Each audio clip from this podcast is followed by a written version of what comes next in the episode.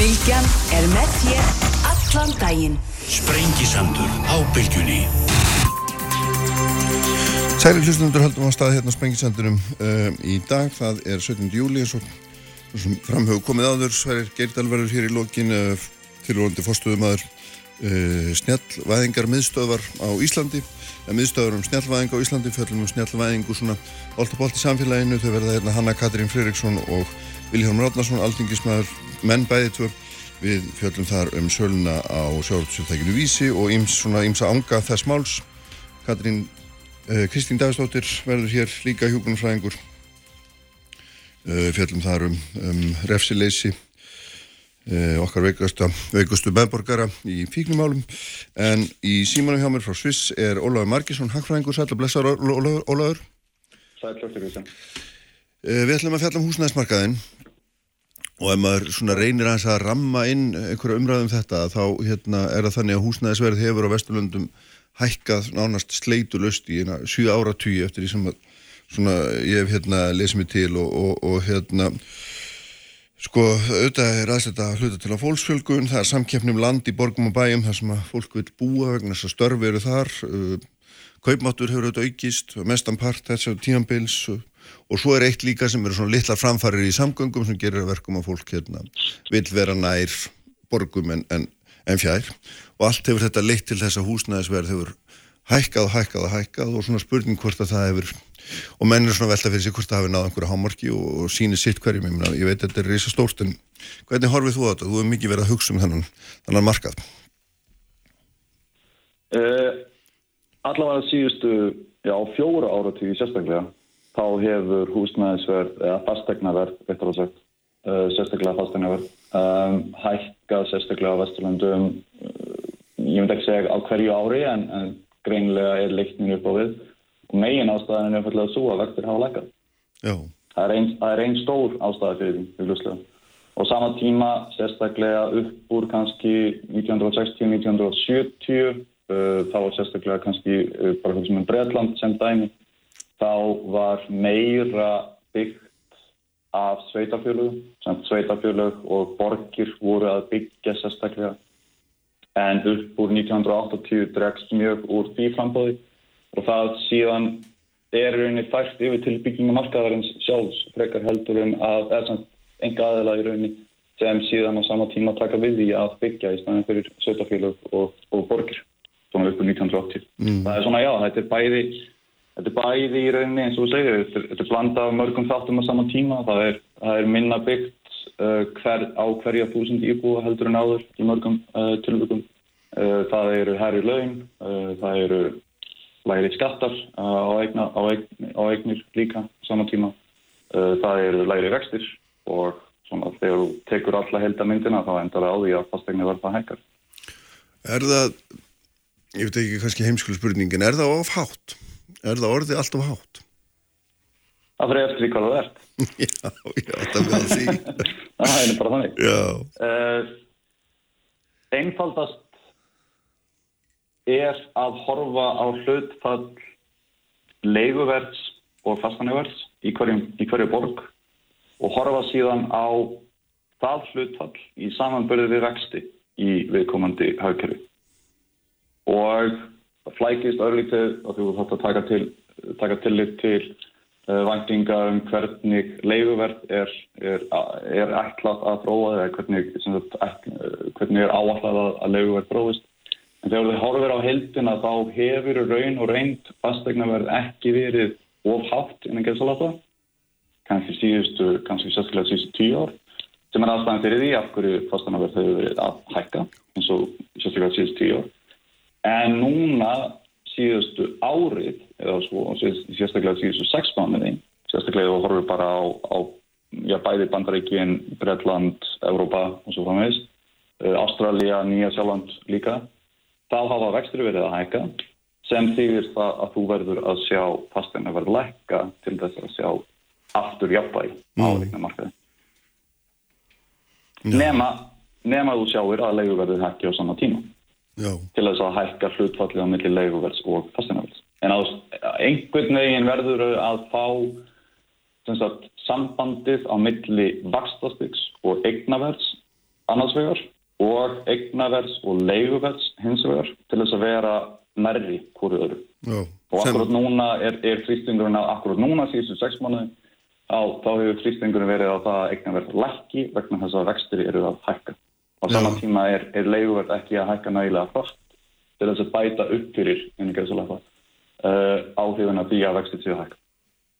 já, þetta er, þetta er hérna, eh, þetta er flókin markaður eins og þú ert að lýsa og að vaktir alltaf tölverða aðtili núna í janúar þegar að sko hægri sinna tímarit eins og Economist lísti því vera húsnæðsmarkaðurinn í vestur Európa og vesturlöndum væri raun og veru bara katastrófa. Hann virkaði ekki. Já, að, að, að mörguleiti hefur að verið þannig, sérstaklega, sko, vandamálið er aðalega það að það hefur verið sérstaklega upp úr, sem sagt, krónukreppunni þegar vextir eru, eru dreifni niður af selabankum uh, mjög hratt til þess að halda haugkjöfrinu sem heild á floti. Það sem gerist er að þegar vextir lækka þá hækkar eignaverð, eðlilega. Einfallega, uh, það bara likur í, í hlutarins máli. Já, Og síðan þegar það kemur í ljós að sagt, viðbröð stjórnvalda, bæði sagt, ríkis, sjóða og selabanka, þau voru í rauninni áhrifaríkari og sterkari heldur en búið þar við. Kreppan vegna koronakreppanar, eða samt koronakreppan, hún var mjög stittri, hún var mjög djúb en hún var mjög stutt og hluti og ástæðan fyrir því af hverju hún var svona stutt var að selabankar og ríkisjóðir þeir fóru í það að viðhalda hagkjörunum, sérstaklega ásend, það er eftirspilnum hliðinni sérstaklega. Og það sem endar þá með því er að eignaverð, bæði hlutabriðaverð og, og skuldabriðaverð og fastegnaverð, það hækkar mjög frátt og þess vegna kemur rauninni þessi óþægilega mikla svifla á eignamarkaði sem einmitt ítir til dæmis The Economist uh, í þá átt að segja að við verðum að gera hvað í þessu. Og þetta eitthvað er einfallega að sjá til þess að frambóð af fastegnum sé nægilega mikið þar að segja að það verður að byggja meira. Og þetta gildir ba ekki bara á Íslandi, þetta gildir líka í, í Evrópu og í Bandaríkjum sem dæmi. já, já, nákvæmlega, þetta er hérna akkurat og það Og þá er þetta spurningi að þú hefur líka verið mikið að fjalla um þetta hvar maður byggir og, og hversu hagkvæmt og svo framvegis sko, og hverjir, hverjir byggja því þetta líka snýst um einhverja stýringu, þetta er einhver, einhver svona, uh, hérna, einhver bakslag í svona það að tala um húsnæðismarka og fara, að minnst þú veist einhverju leiti fara að stýra þessum uh, út frá því að þetta sé, með að þetta sé svona nöðsynir en ekki, ekki, ekki bara frjálfsmarkastar sem ég. Já, stýring og ekki stýring. Uh, sko, ef þú ætlar að, sem, dæmi, tökum bara dæmi hvort sé markaður með, með fastegnir eða, eða markaður með orku sem dæmi. Um, orka er í, í dælugu tali, þú myndir kalla það nöðsinn í raun og reynd. Það gerist ekkert nema þú sért með orku á bakvið það. Þú framleiðir ekkert nema þú að þú sért með orku til þess að knýja áfram vélarnar og svo fannist. Og akkurat núna sem dæmi í Evrópu, uh, við nefnt Þískaland sem dæmi, þá er verðbólga rúm 8% og af þessum 8% stigum er orkuverð og hækkun á orkuverði að baki 4% stigum. Þannig ef orkuverð hefði haldið sér stað í Evrópu þá væri verðbólga ekki 8%, hún var í næri 4%, cirka bát. Mm Og skorturinn á orku er það sem er að drífa áfram verðbólgu á í Európu. Það er skorturinn á fastegnum sem er að drífa áfram verðbólguna á Íslandi vegna þess að fastegnverð uh, og náttúrulega leiguverð líka er hluti af, af verðbólgumælingun á Íslandi.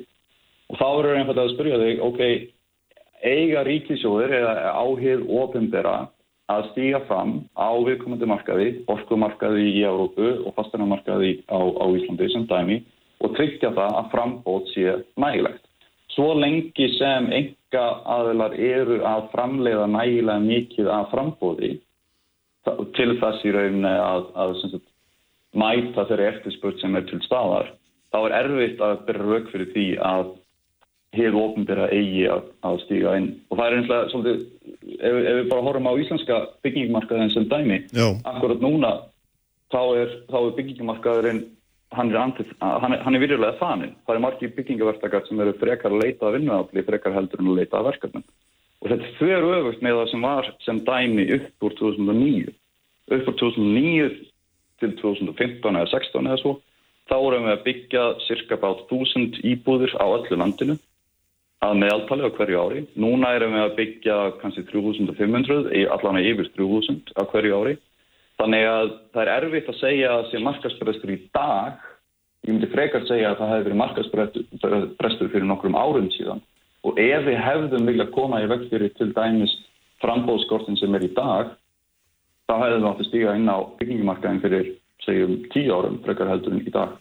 Og svo lengi sem er nægilega byggt, það er verið að tala um núna 3500 íbúður yfir næstu tíu ár, svo lengi sem enga aðilar eru að byggja nægilega mikið, þá er erfitt að segja að, að hefur ofnbyrði eigi að stíga inn á það markaðin. En ef byggingamarkaðurinn er ekki að byggja þessar 3000 til 4000 íbúður á ári, þá er þá er komið rauk fyrir því að hér ofnbyrða senda inn í borgir, sveitafélög, jafnvel ríkisjóður sjálfur eigi að fara inn á byggingamarkað og sjá til þess að sé meira byggt frekar heldur en að leifa byggingamarkni að vinga. En, en einhverju leiti hlýtur þetta líka samt að vera spurning um svona að jafna sveiflur, ekki satt? Þannig að það er auðvitað það sem að enginn hennar marka kannski umfram, umfram annað, það eru þessar gríðalegu sveiflur bæði frambóði og eins auðvitað í, í verðinum. Já, og sveiflan meðal annars í dag er meðal annars vegna þess að byggingaverktakar, þeir voru einfallega ekki með getu, fjárhagslega getu til þess að byggja á árunum upp úr hröðunum en þess að þeir voru skuldsettir. Það var, of, uh, það var, það var einfallega lítil eftirspurn á, á því að kaupa nýjar íbúði sérstaklega upp á 2000 og kannski 10-11 en svo. Og þar með var í rauninni verið að fresta innan gestalappa uh, vandamálinu sem of lítið af byggingamagni býr til og mm. þessi frestun er núna að koma fram í dag. En hvernig sérðu fyrir þér að, að sko, hvernig, hvernig er þetta svona skapa þær aðstæður að þessi lífsnausilegi markaður sveiflist ekki svona gríðarlega? Það er þetta hérna, já. Sko, er bara mitt, mitt uppáhaldsdæmi ja, oft eins og kannski ég veist, þá, þá hérna, fer ég til, til Sviss og ég, ég, ég ber Ísland saman við Sviss og bara sem dæmi hér í Sviss þá orðum með verulega stöðuðan fasteignamarkað. Og hann er stöðuður meðal annars vegna þess að það eru stórir fagfjárfustar sem eru í því að byggja blokkir til þess beinleinis að leia þeir út. Og hlutfall íbúa sem, sem satt hér í Sviss sem býr í leiguhúsnaði er umfæðil 50%. Ef þú ferði inn í borgirnar þá fer til dæmis hér í Zurich þá er hlutfall íbúa sem býr í leiguhúsnaði í kringum 75-80%. Og það sem gerist er að ef þú sér til þess að leigumarkaðurinn sé nægilega stór, mm -hmm. nægilega mikil til þess að sjá til þess að fólk getur fundið leigu íbúður á viðræðanlegu og stöðuðu verði, þá einfallega mingaru hristingin á eignamarkað líka vegna þess að fólk þarf ekki að kaupa til þess að eiga þakki við höfuð, það einfallega leigir í staðin. Og það sem þyrsti að gera á Íslandi sem dæmi það væri að sjá til þess að það væri stóri fjárfestar í því að byggja upp stopnarna sagt, byggja upp leikumarkað sem er bókstaflega rekin á frambóðsliðinni af stórum aðilum sem eru í því að byggja til þess að leia út til langstíma. Mm. Byggingamarkaðurinn á Íslandi í dag og, og sagt, eignamarkaðurinn á Íslandi í dag hann er meðal annars sviplu mikill vegna þess að þessi langtíma hugsun í því að byggja til þess að leia hún er ekki til staður. Það eru allir að byggja til þess að selja og það, það með endar á því að þú, þú, sagt, þú býr til meira af skamtíma söfnum inni á eignamarkaðinum sjálfum. Í staðin fyrir að þú ert með kannski lífriðsjóð eða óhagnaðadrifin félög, til dæmis Bjarg í dag og uh, Blær uh, sem er annað verkefni sem verður hagnaðadrifið blessunlega. Þessi félög hafa langtíma fjárfestingastöfnu. Þau vilja byggja til þess að leia til lánstíma og þótt að fastegnaverð lækki eitt árið um 5% eða 10% þá eru þetta aðilar sem hugsa til þess við ætlum að byggja til þess að leia næstu 10 árið eða 20 ár og þar með halda þeir áfram að byggja jafnveg þess að eignaverð sé að lækka. Já, já, og þetta er þá vantilega svona, myndi þetta vera áskorun að þinni hálf til dæmis til lífeyrisjóð á Íslandi um að, að hérna fara meira inn á fastegnumarkaðin eða, eða hverji hver er þetta að hugsa um sem þessa stóru fjárfesta? Ekki spurning. Sem dæmi Íslenski lífriðsóður, uh, líftryggingarfjölög uh, að samanskapi uh, ef hefur ofinbera, ef, ef, ef ríkistjórn sem dæmi vil sjá til þess að það sé meiri, uh, meira frambóða af leigu íbúðum sem mingar trýsting á eignamarkað og verðbólku. Ef stjórnvöld vilja gera sagt, þessu auðvöldar að prófast þá eiga það að sjá til þess að laga umhverfið sé uh, til staða og svo framvegist og leifa sem sagt í rauninni þeim aðilum sem vilja koma til Íslands, jáfnveil erlendum aðilum líka, sem og Íslandingum sjálfum eða íslenskum aðilum, íslenskum lífriðsjóðum, sérstaklega. Ef þau vilja byggja þá að gera þeim það auðvögt fyrir. Og það góða við þetta er að það er, það, það er svo mikið af reynslu frá öðrum landum sem hægt er að nota á Íslandi. Sviss eitt dæmi, Tískaland annar dæmi, Austuríki annar dæmi og svo framvegis. Og í öllum þessum, sem í Tískumælandi hlutum Európu, Það er gegnum gangandi að fastegna markaðurinn er mjög stöður vegna þess að leifumarkaðurinn er mjög stór og það eru stórir aðilar sem eru að byggja til þess að leia út. Og það sem endar á því er þá að vegna þess að egnamarkaðurinn er stöður ef þú vilt kaupa þá getur þú keipt ekkert mál. Ef þú vilt leia þá getur þú leikt og það er bara fullkomlega eðlegt þú ert með aukið frelsi til þess að þú er með aukið val til þess að velja hvort þú vilja vera á leifumarkaði eða egnamarkaði og það sem endar það á því að þú minkar sötuna á eignamarkaði sem líka síðan leiður til þess að til dæmis verkaðliðspilug þau þurfu ekki að íta undir það að séu herði nafnlaunahækkanir sem dregur ennfrekar úr verðbólkuðisinn mm. og hagkerfið allt verður stöðura. Það er að tilkoma svona legumarkaðar hérna myndi þá skipta sköpum ef ég skilir rétt en ég menna sko í þessum þýskumælandi heimi það er náttúrulega líka sko gríðalegt regluverk í kringum einmitt leigu, húsalegu og, og leyendur eru mjög vel varðir og þeir eru varðir til mjög langs tíma þannig að þeir eru, það er náttúrulega hluta því sem verður að vera alltaf verður að vera með í, í, í þessum pakka, ekki satt? Ritt, og það er einmitt það er einmitt gott að minnast á þetta það er einmitt vegna þess að leigutakar eru vel varðir að það sé mikið af langtíma frambóði til leigu. Þú þarft ekki að vera með markað eins og í Íslandi í dag þar sem leigu sali getur hækkað leiguna um 10-20% á milli ára sem dæmi til þess að tryggja langtíma frambóð. Þörsta móti erstu að draga úr langtíma frambóði ef þú leifir leigu sölum að hækka leiguna of mikið til skamstíma. Vegna þess að það sem gerist er að ef þú ert á leigumarkaði sem leiandi og þú veist af því að leigan þín mun fróast nákvæmlega eftir fyrirfram ákveðnum samningsbundnum rétti til dæmis hækkar leigan í samræmi við verðbólkuða hverju ári eða hún hækkar í samræmi við eh, verðbólku markmið selabankans eða efri mark selabankans eða bara hvað sem er. Svo lengi sem það er gagsægi á því hvernig leigan hjá þér fróast þá ertu meira tilbúin til þess að vera á leigumarkaði til langs tíma og það sem gerist á að þá ertu búið til langtíma eftirspöld og langtíma eftirspurt býr til langtíma frambúð.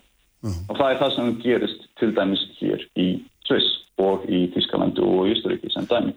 En, og bóðstálega fer inn á markað til þess að leia til langstíma. En þú ert náttúrulega líka með svona hina hliðin á þessu sem er áherslunar krafa fjárfæstana og við vitum íslenski fjárfæstar almennt svona hafa verið mjög, mjög frekir á ávöxtun á sitt eigið fyrir gegnum tíðina. Sjálfsagt þess að verja sér gegn sveiblum svona almennt talað í, í sveiblukenda hagkerfi.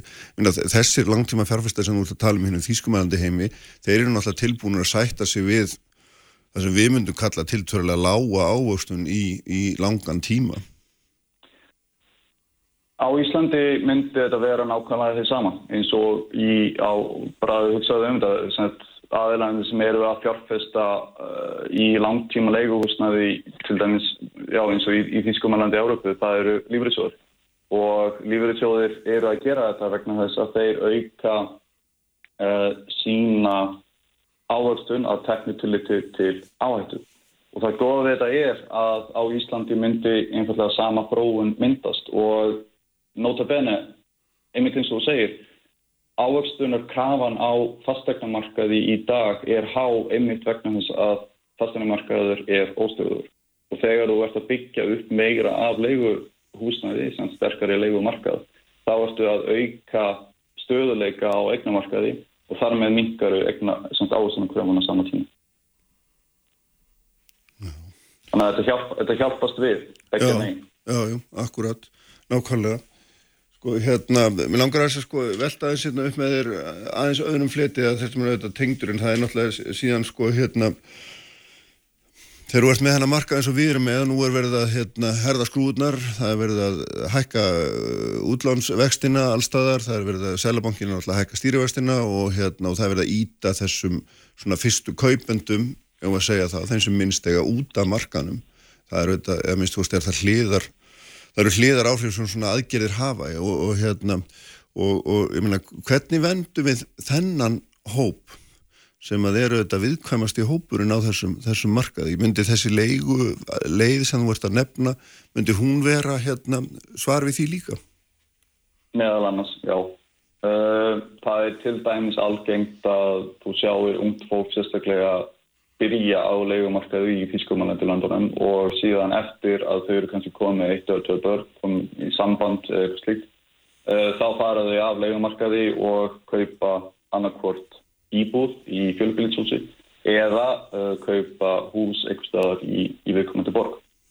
Og það sem gerist er einfallega að þau eru í leigu eign eða samt í leiguhúsnæði í marga ár, sérstaklega í byrjun sem síðan kannski þróast yfir í það að þau fara í starra fjölskylduhúsnæði. Uh, það er erfiðara sérstaklega að, að, að uh, leigumarkaður með fjölskylduhúsnæði sérstaklega, kannski fimm herbergi íbúður eða slíkt eða fjóra herbyggi íbúður. Uh, hann er minni heldur en til dæmis leikumarkaðurinn með tvekja herbyggi eða tvekja herbyggi.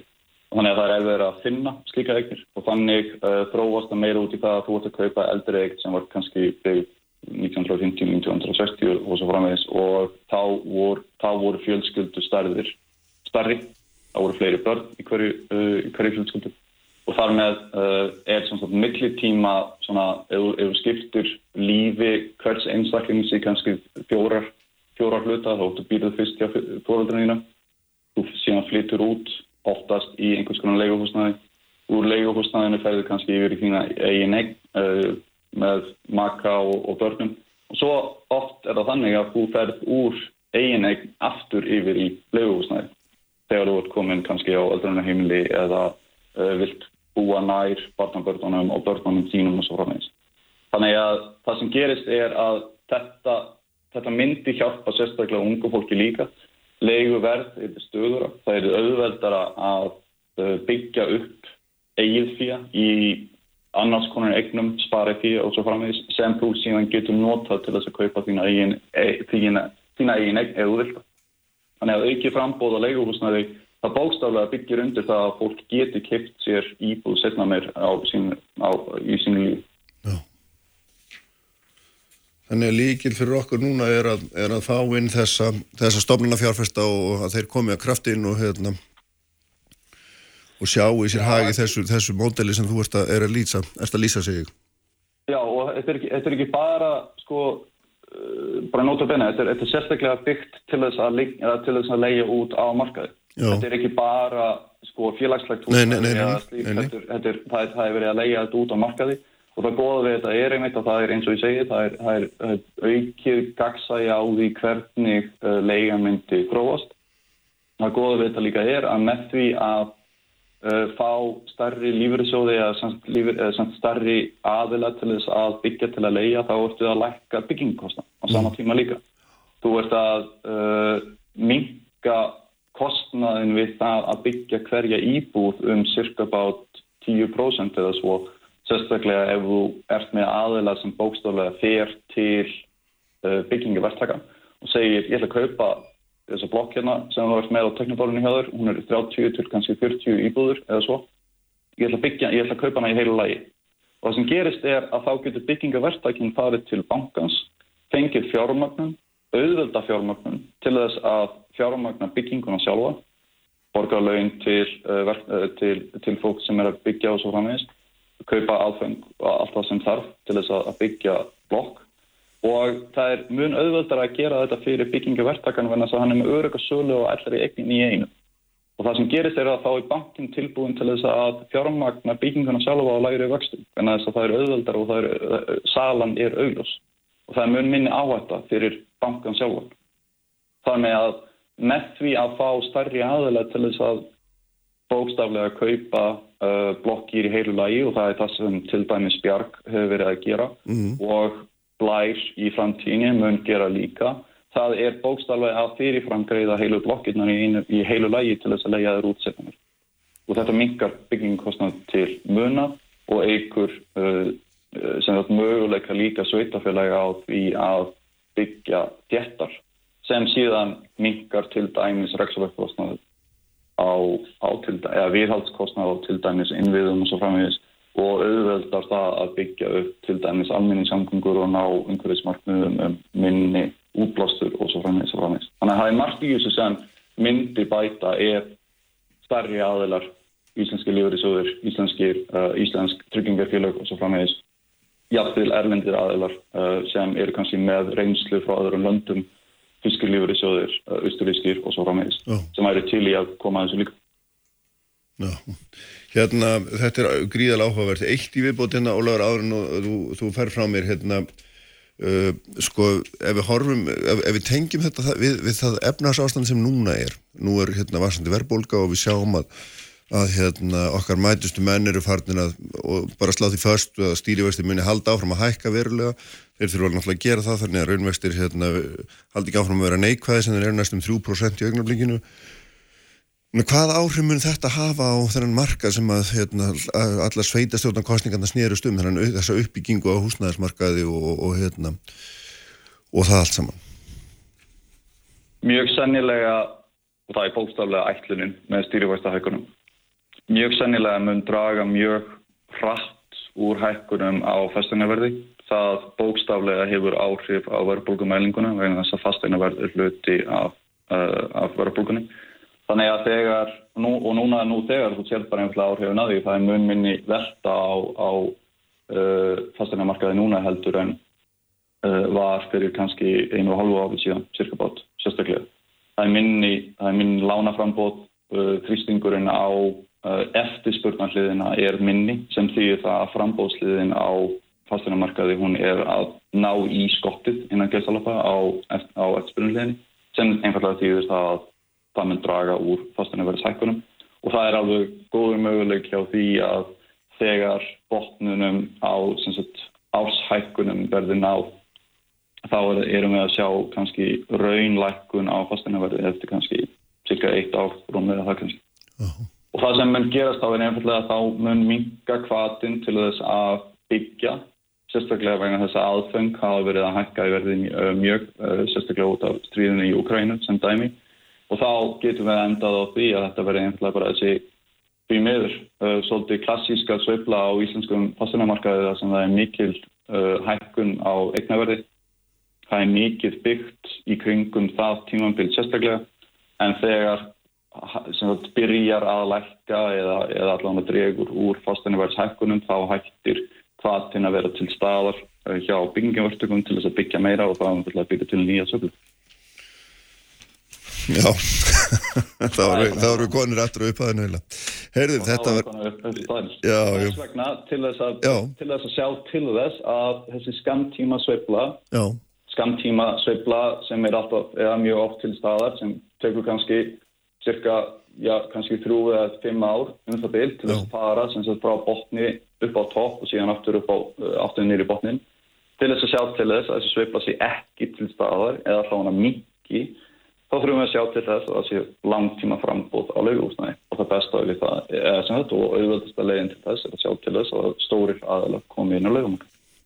ljómandi, við látum þetta vera loka orðinni takk Ólaður, hérna, takk fyrir að vera með mér. Eh, frábært að hafa þig og hérna, bestu kveðu til Sviss. Takk, takk, sem þess. Uh, við heldum áfram hérna með Kristínu Davistóttur hjúgrunarfræðingi ætlum þá að fjalla um allt aðrunum mál eftir augnablik. Uppspretta Alla sunnudaga á bylgjunni. Sælir afturlustendur, uh, Ólaður Margisson farin frá mér eftir feikilega fróðlega yfirferð yfir húsnæðismarkaðin. Uh, Sverri Geirdal verður hér í lok þáttar fjallar um snjallvæðingu, miðslu og snjallvæðingar á Íslandi sem verður að, að setja á lagirnar. Þau verður hérna Hanna Katrín Friðriksson og Vilhjómur Átnarsson, alþingismenn ræðin þá um söluna á útgerðafyrirtækinu Vísi og hérna svona þær ánga þess máls en Kristín Davíðsdóttir er sest hérna hjá mér, hún er hjúgrunarfræðingur var áður verkefnastjóri hjá frú Ragnhið hjá Rauðakrossinum, sæl og blessuð, velkomin.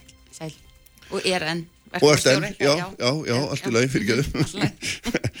Ég ætla ekki að taka þið lagi, sko. Hérna, sko, uh, þú, þú ert í þessum stýrihópi, umsagnarhópi um, um hérna málefni þessa veikasta fólk sem er hérna sinnum í samfélaginu sem eru sem eru, eru fíklar sem geta sér enga björgu eitt í raun og veru og hérna og mikið hefur verið svona fjallað um þeirra mála undir höfum árum lagð fram frumvarp á þingi um svo kalla afglæpavæðingu, nú er þetta kalla refsileysi og nýr helbriðsáþra Viljum Þór hefur sagt, sett í samráðskáttina nýtt nýjar hugmyndir þar sem hann er að reyna að afmarka þetta og maður sér að það fari mjög þvert ofan í það sem að vinna í þessum málum og finnst þetta, finnst þetta illa skilgrind og hérna, slæmar hugmyndir og meðal annars þá að það er einhvern veginn að afmarka hver eru veikir og hver eru ekki og hvað má teljast hérna, nöðsynlegt fyrir þá og nöðsynlegt ekki til þess að þeir, þeim sé ekki refsað fyrir að hafa fíknefna sínum fórum.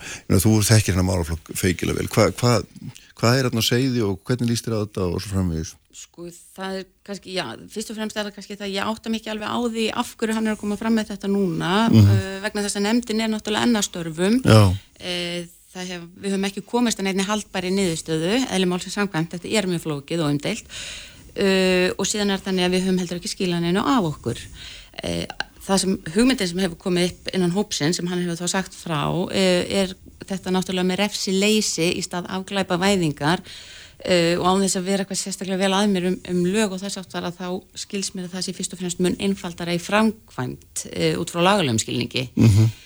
uh, hvað þetta svo félur í sér nákvæmlega veit ég ekki og hvernig hvernig fólk hugsa sér eða, eða sér fyrir sér að velja út hverjir eru veikastir.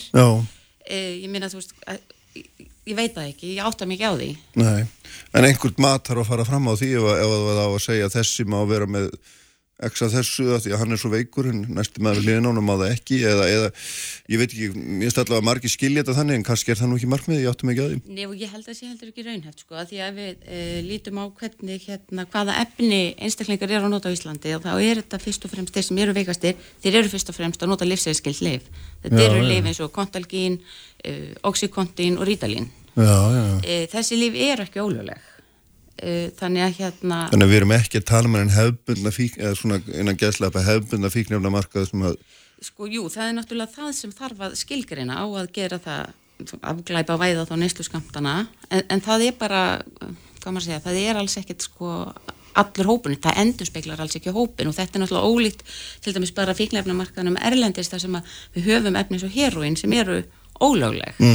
það, þau efni eru það sem veikast að fólki er að nota óluleg efni meðan það hér er að nota í raunöfurinn að gæslappa lögleg efni mm -hmm. sem þau vissu kannski hafa fengið eftir ólulegum leiðum eða ekki já, eh, já. en það sem að hérna hugmyndi náttúrulega með því að afglæpa vaða neysluskamta er að draga úr jáðarsetningu uh, þessa hóps eða einstaklinga innan hópsins en með því að fara að brennimerkja mm -hmm. ákveðna einstaklinga með því að gefa þeim eh, eitthvað kort eða um, þú veist, merkjað á einhvern veginn sem fíkla að, að þá ertu náttúrulega að íta þeim ennþá lengur út á jæðarinn þannig ég held að þetta sé fyrst og fremst bara mjög vanhugsað mm -hmm. En hvað, að þinni reynslu þessu, hvað, hvað er best að gera fyrir, fyrir þetta fólk sem að hérna, svona auðsina þarf að hjálpa en svona erfitt er að ná til? Sko ástæðan fyrir því að það er mikilvægt að afglæpa væða er svo að þetta er fólk sem að hérna uh, veira sér við að leita aðstóðar og ekki bara lögreglu heldur það veira sér við að ringja sjúkrabíl, fara uh, á bráðmóttökur og svo framvegis vegna þess að þetta er brennimert uh, rökið sem lögreglan kemur með er að oft uh, er þetta látið slæta þó þau séum eitthvað að skamta mm. en þau geta náttúrulega aldrei gengið að því sem vísu þannig að veist, það er óvissan sem þarf að eigða fólk, það þurfa allir að hafa aðgangu kerfinu og það þurfa allir að geta treyst kerfinu. Og það er gríðarlega mikilvægt.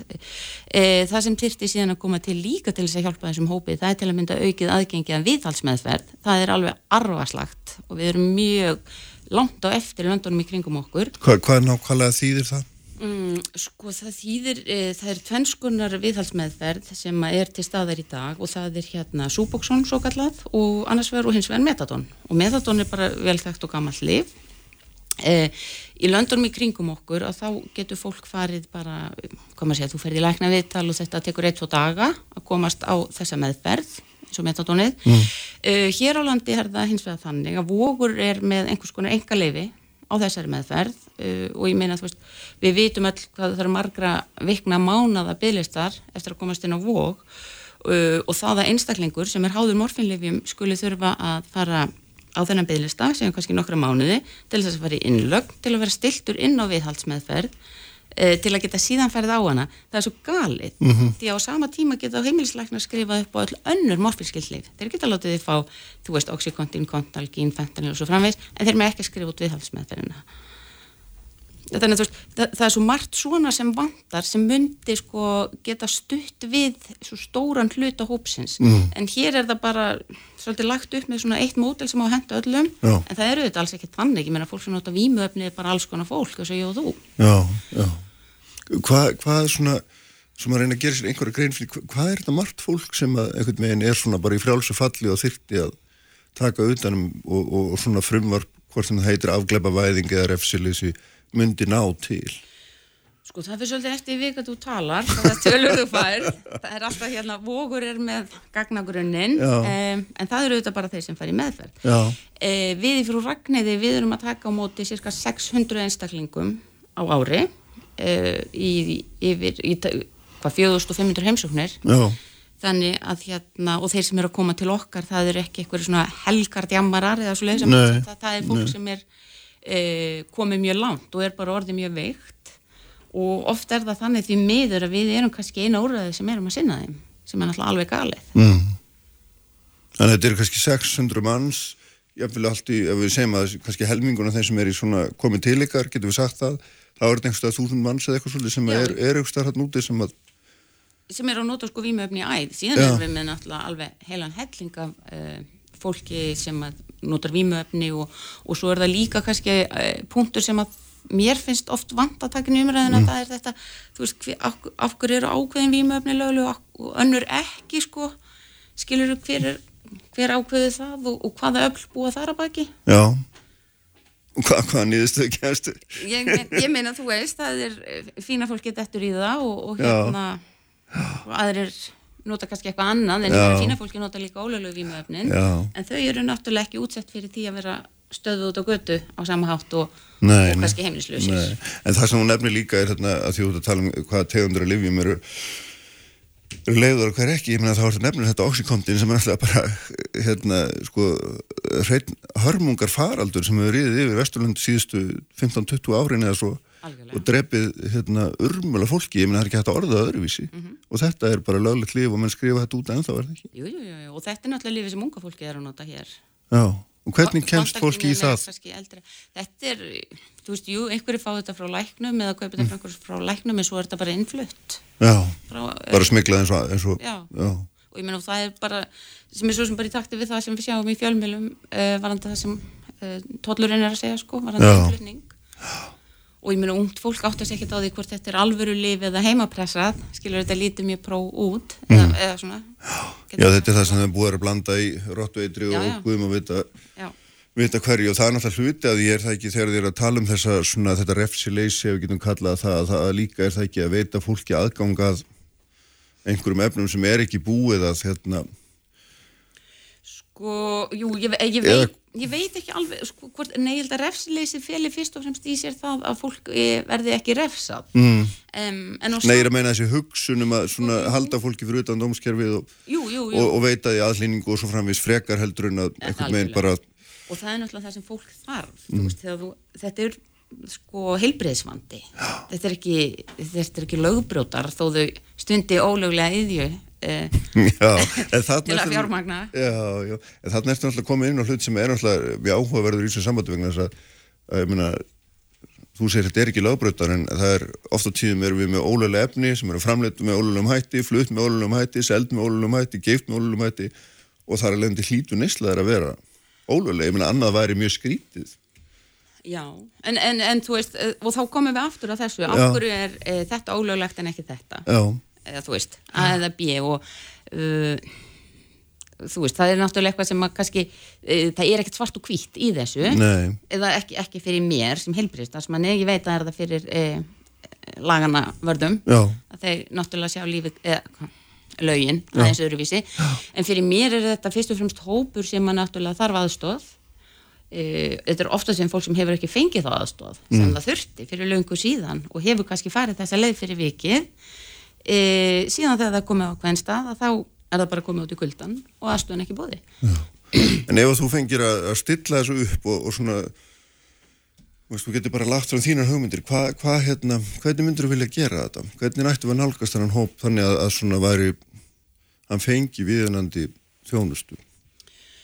Sko ég held að á, eh, sko, það er ákveðið skref í því er náttúrulega að reyna uh, ná fólki svolítið af jæðrinum þú veist að gera þetta ekki svona það er ekki, er ekki svona hræðilegt. Það er mm. alls konar fólk sem nota vímöfni þá þarf að auka og hluta því ég er náttúrulega aðgeng, að auka aðgengi þeirra að heilbreyðistjónustu þau þurfa líka aukið aðgengi að félagsleiri þjónustu. Uh, og síðan þarf uh, að halda svolítið uh, heildrænt utanum hópin og það sem að mér hefur þótt vera ákveðin og bara mjög stór þröskuldur það er náttúrulega alltaf þessi aðskilnaður heilbreyðis og félagsmála. Því það er svo auðvelt að benda á hinn uh, og íta fólki á milli kerfa en þetta er svo samþættur vandi að, mm. að þú getur ekki tekið á öðrum hlutanum án þess að taka á hinnum í leiðinni. Uh, og síðan þarf náttúrulega bara auka fjölbreytileika í bæði í hérna uh, frákastmeðferð og viðhaldsmeðferð því að hérna við þurfum líka bara átt okkur því að það er ákveðin hópu fólk sem að kannski mann fari 40-50 meðferður og vogi. Þetta, þetta er greinilega ekki að virka. Ég, þetta myndir aldrei á spítalanum þú myndir aldrei setja einstaklega sömu meðferð 40 sinnum og halda bara fram að reyna þú myndir reyna eitthvað annað Já. en það er ekkert annað í bóði og það er það sem er svo hvað maður að segja, því, þarna er uh, vantar svo mikið upp á mm. Hver á að hafa frumkvæðið að því að koma með með þetta og ég veit að það er hægt að segja eitthvað bara ríkistjórnina eitthvað svona en, mm. en, en, en hérna Ég, finnst bara galið að þetta sé bara á höndum eitthvað frjálsra félagsamtaka þetta er náttúrulega um, þetta er heilbreyðsmál og ríkið ber ábyrð uh, ég held að þetta er enginn geimvísindi að útfæra þetta nei. en þá þarf náttúrulega bara vilja og fjármagn Þannig að núna er stefnumótunni fyrst og fremst á höndum áhuga fólks út í bæ. Hún er það og, og ég meina þú veist varðandi eh, meðferðarúræðina þá er það í raun og veru bara S.A.A. Við höfum þannig svo hlaðgerakot og, og, og krísuvík en, en eh, S.A.A. er bara ríkjandi afl og þetta er náttúrulega mikil pólitík og alls konar inn í þessu. Þannig að hérna eh, og meðan þetta er svona að þá er alltaf ákveðin hópur sem bara fær ekki eh, hjálp fyrir sínum vanda. Mm. Mm. Síðast þegar að hérna, þetta afglæpi væðingar frumvar píratana haldur og sen var fyrir þinginu þá, þá hérna eitthvað með lokaðast umræðan inn í einhverju svona hvað er neyslu skamtur held ég að það hefur verið svona mm -hmm. al, al umræðefnið mm -hmm. en meina hvernig er þetta núna í þessum, þessari nefnd sem þú ert í og hérna fólk eru öllum áttum, er þið eitthvað að feta ykkur í áttað einhverjum viðmiðum eða er fólk bara svona er, er svona gríðalega skipta skoðanir nálgast fólk ekkert hvernig svona Sko ég held aftur, ég menna þetta er aftur þetta er ekki genvisindi og ég, þú veist við í frú Ragnhiði höfum uh, tekið svona, hvað maður segja, stikkpröfur eða, mm. eða spurt sko okkar skjólstæðinga menna, veist, og mér finnst þetta að vera mjög borlíkjandi þú veist, það er bara ákveðnir skamtar sem að flestir er að nota, þetta nota einhverjir meira en, en ég menna þú veist, það eru bara undantekningarnar uh, ég held að það sé uh, miklu sko stærri áskorun annars vegar það að við erum eins og ólík kerfi þú veist og eins og í þessum hópi sem sjá bara hlutina svo ólík mm. og meðan minn fókus er kannski uh, virkilega veikir einstaklingar að þá eru fulltrú löglunar uh, sem þurfa líka að horfa á bara hinn almenna borgara og, og, og svona helgardjammarana eða það mm. skilur þið þannig að þetta tvent fyrir kannski ekki alveg saman og það er áskorun að komast að samkomila í þar og hins vegar er það það að það eru bara alltaf þessi livshelskildu liv Já. sem að er ekki ólögleg hvernig þú þá skilgreina eitthvað skamt þar og gera hann ólöglegan eða ekki. Því þessir einstaklingar eru vissulega lendið því að það er verið að taka af þeim efnin uh, þó að þetta sé ekki ólögleg liv Já. og það er svolítið, uh, svolítið happ og glapp hverjum þú lendir á í lögunni hvort það tekið af þér eða ekki en þau segju um þessu sögu. Þannig að það er þannig að hérna ef þú ert með aðeins svo mikið af oxykontinni sem þú fengið upp á skrifa frá læknu og lögunum finnst að vera heldur um of til þess að geta talist neyslu skamtur að þá er það bara fjarlagt óháðall öðru. Já, ég meina, þú með dollur ítalíni hvað fegst þetta? Getur þú sannaðan? Nei, mm, þá með taka þér það. Ég hugsa að ég er ekki að tekið að mér dollur ítalíni ef ég var á lögaveginum skilur þau? Þannig hérna, þetta, þetta gætir ekki jafnræðis, alveg saman hvað hver segir og við vitum það og þess vegna er svo mikilvæg partur að reyna að draga úr þessari jáðarsetningu þú veist, þessi einstaklingar í þessum hópi þau upplega sér alltaf eins og þau séu að gera eitthvað af sér eins og þau segja, þú veist, ég er ekki að gera neitt að mér en mér líður alltaf eins og ég sé að brjóta að mér. Er eitthvað að koma, er eitthvað að fylgjast með mér?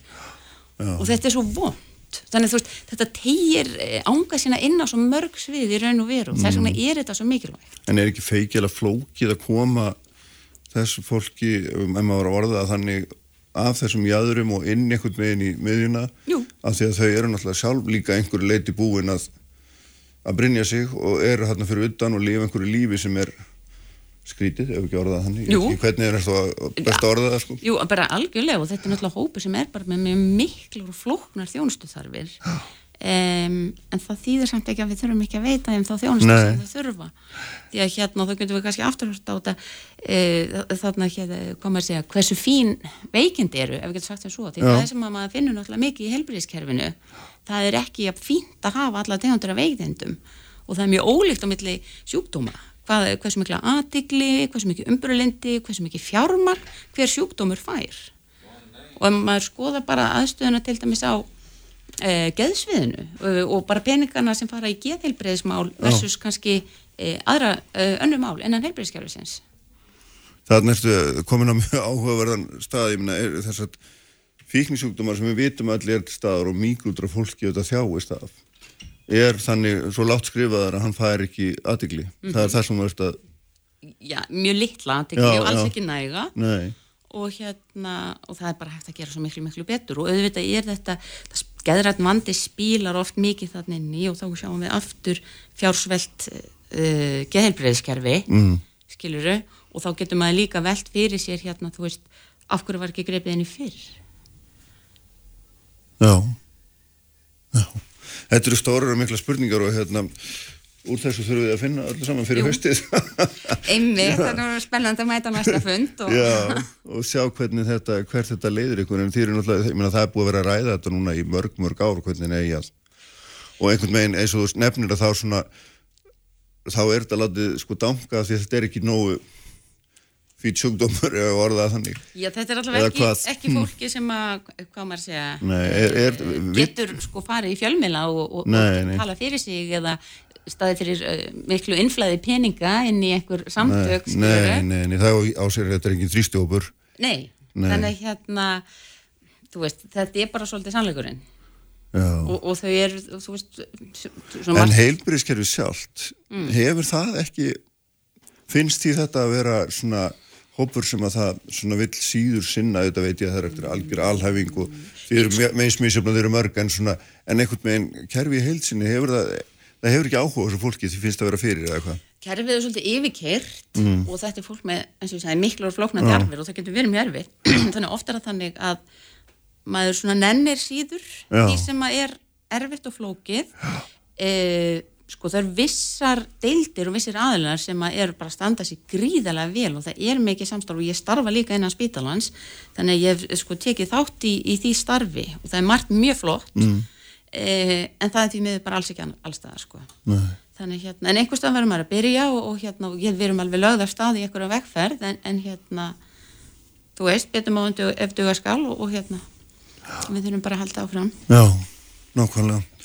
Herðu, ef við ekki að hérna, sjá hvað kemur út úr þessu nefndastarfi. Jú, jú, þetta eru spennandi tímar framöndan og sjáum hvernig hérna, hvort ykkur test ekki að komast að einhverju góður í niðurstöðu þegar, þegar þið leggju öll saman kraftana. Já, já, það er rétt að vona Takk fyrir að koma. Kristín og Takk fyrir að hérna, fá mig ég ætla að fjalla hér um allt annað mál þegar verða hérna hjá mér Anna Katrín Seyriksson og Vilhelmur Átnarsson alþingisminn eftir augnumlík. Sprengisandur,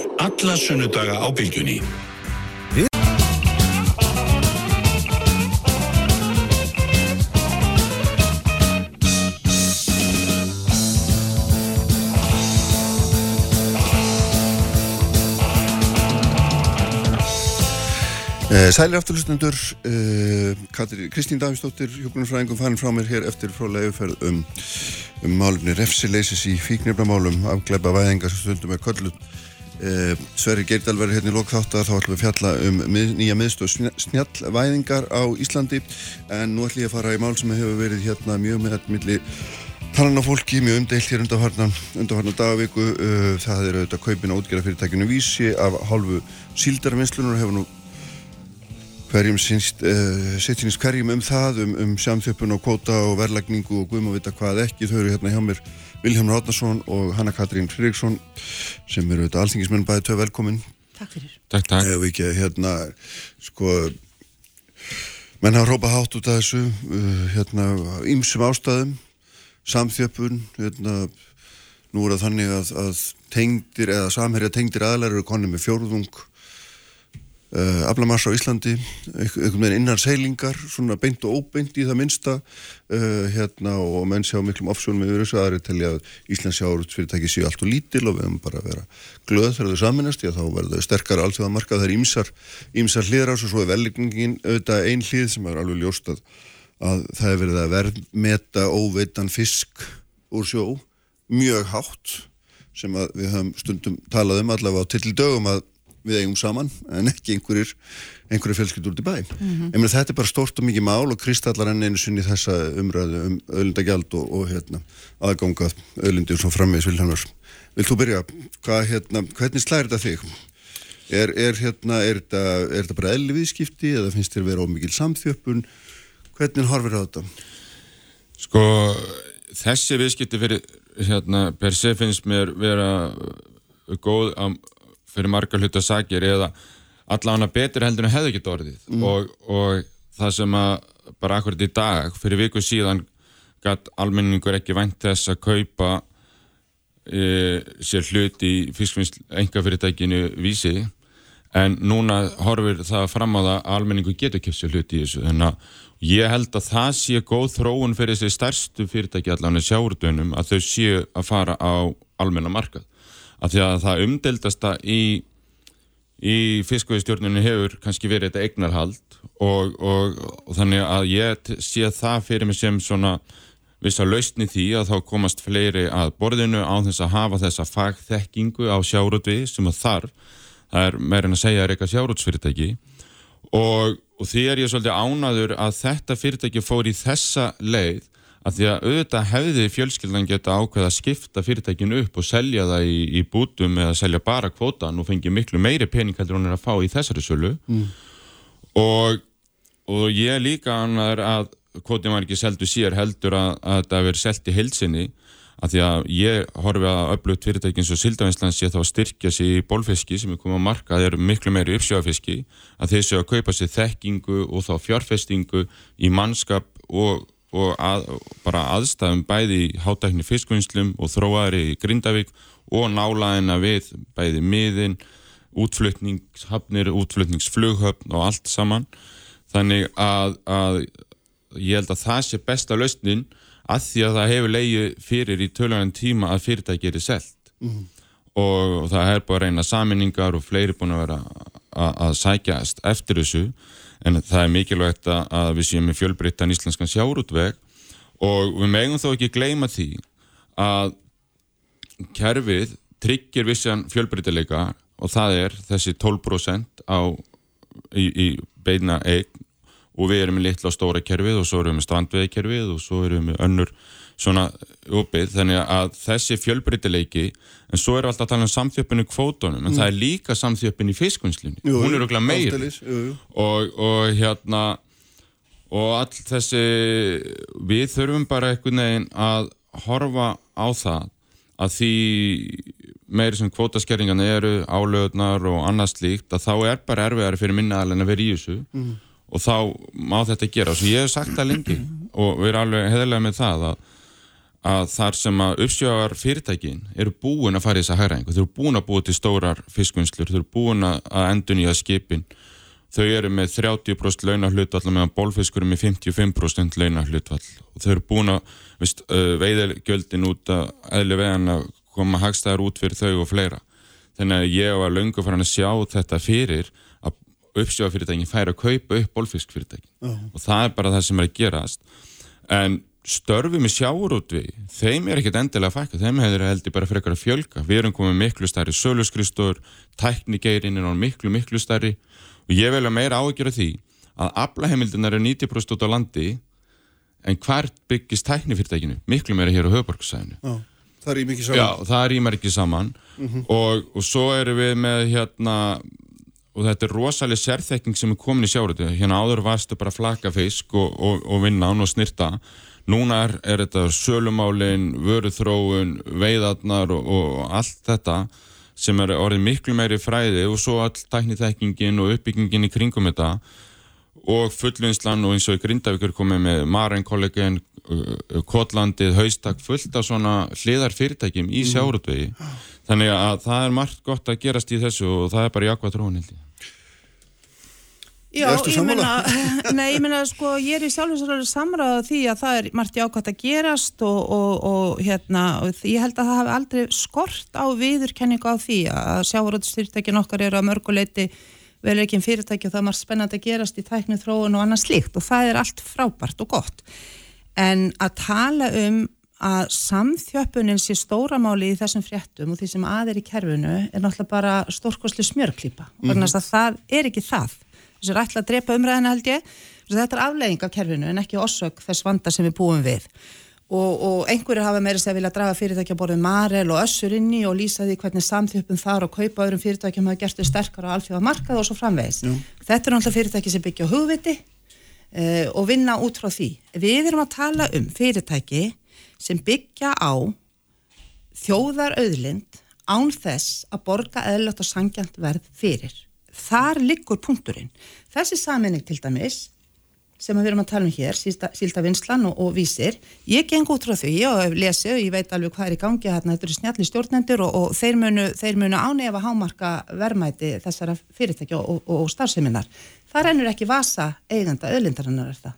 Fyrir vasa þeirra sem að fara með og að því vilja ég, þú talar um umdilt eignarhald og ég, ég átta mig á því hvað þú varst að fara mm. en þetta er kannski akkurat þessi, þetta orðalag sko kjarnarmálið samkvæmt lögum er eignarhaldið ekkert umdilt þjóðin á þetta. En, en það hvernig fariði með eignina það er umdilt og þetta er málið í hnótskurt eh,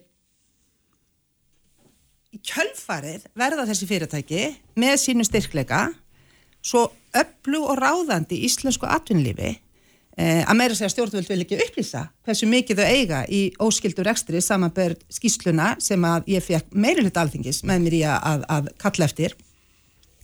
Eh, og aldrei kom. Þannig að þetta er komið við erum bara komin í stórkoslega vandræði með þessi mál, það er ekkit flóknara. Og að því að ég sitt hérna með þingmanni sjálfstæðisflokksins, góðu manni mm. En hann er fulltrúið þess flokks þess eina flokks og alþengi sem start og stöðut hefur unni gegn og staði gegn því að við fáum að breyta annarkort í stjórnarská eða í fiskveistjórnarni kerfinu lögum þannig að það verði tímabundnar heimildir sem er forsenda þess að við fáum annars vegar gulltrygging á því að þjóðin eigi þetta og hins vegar að myndist eðlert markasverð það er endar að koma núna með þessum kaupum að minnst að kosti vísir að því aðri flokkar hafa á ákveðnu tímapunktum líka vinstur græn og framsókn sem nú setja í ríkistjótt með sjálfstafloknum hafa tala fyrir þessum tímabundna heimildum.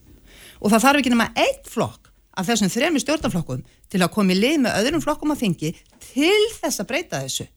Og þá velti maður fyrir sér af hverju er þessu ekki breytt? Og bara til að kjarna það mm -hmm. svo breyting kemur ekki nema á mjög ópennan hátt við þessu sem að vilja er að lýsa hér sem er góður rekstur sjáurutfyrirtækja við erum ekki að tala um að kollvarpa rekstrið þeirra eða kippa fótunum undir rekstra grundvelli þessari fyrirtækja. En, en reyndar er það nú þannig að hérna, þegar þú nefnir orðið tímabundar veiðiheimildir þá rakka menn í kút vegna þess mm. að þá hérna, afnemur þennan fyrirsjáleika sem er nöðsalegur, þú ert með fyrirtæki sem hefur svona gríðalega hérna, fjárfestingathörf mm. og svona ofbóðslega hérna mikla óvissu í rekstrinu, þetta er mikill áhættur rekstur og þeir sem er að reka þetta segja við að það gengur ekki, en sem við verðum að hafa fyrirsjámanleika landin í framtíðina því annars getum við ekki fjárfest. Ég get alveg tekið undir það, ef að hér væri stæði og talaði fyrir því að það eru 100% innkollun mm -hmm. árlega, mm -hmm. auðvitað gengir það aldrei upp en 35% innkollun árlega, það er nú bísna mikill fyrirsjámanleiki ef þú veist að þú hefur um það byrj 95% kvotans í 20 ári eða hvað það er.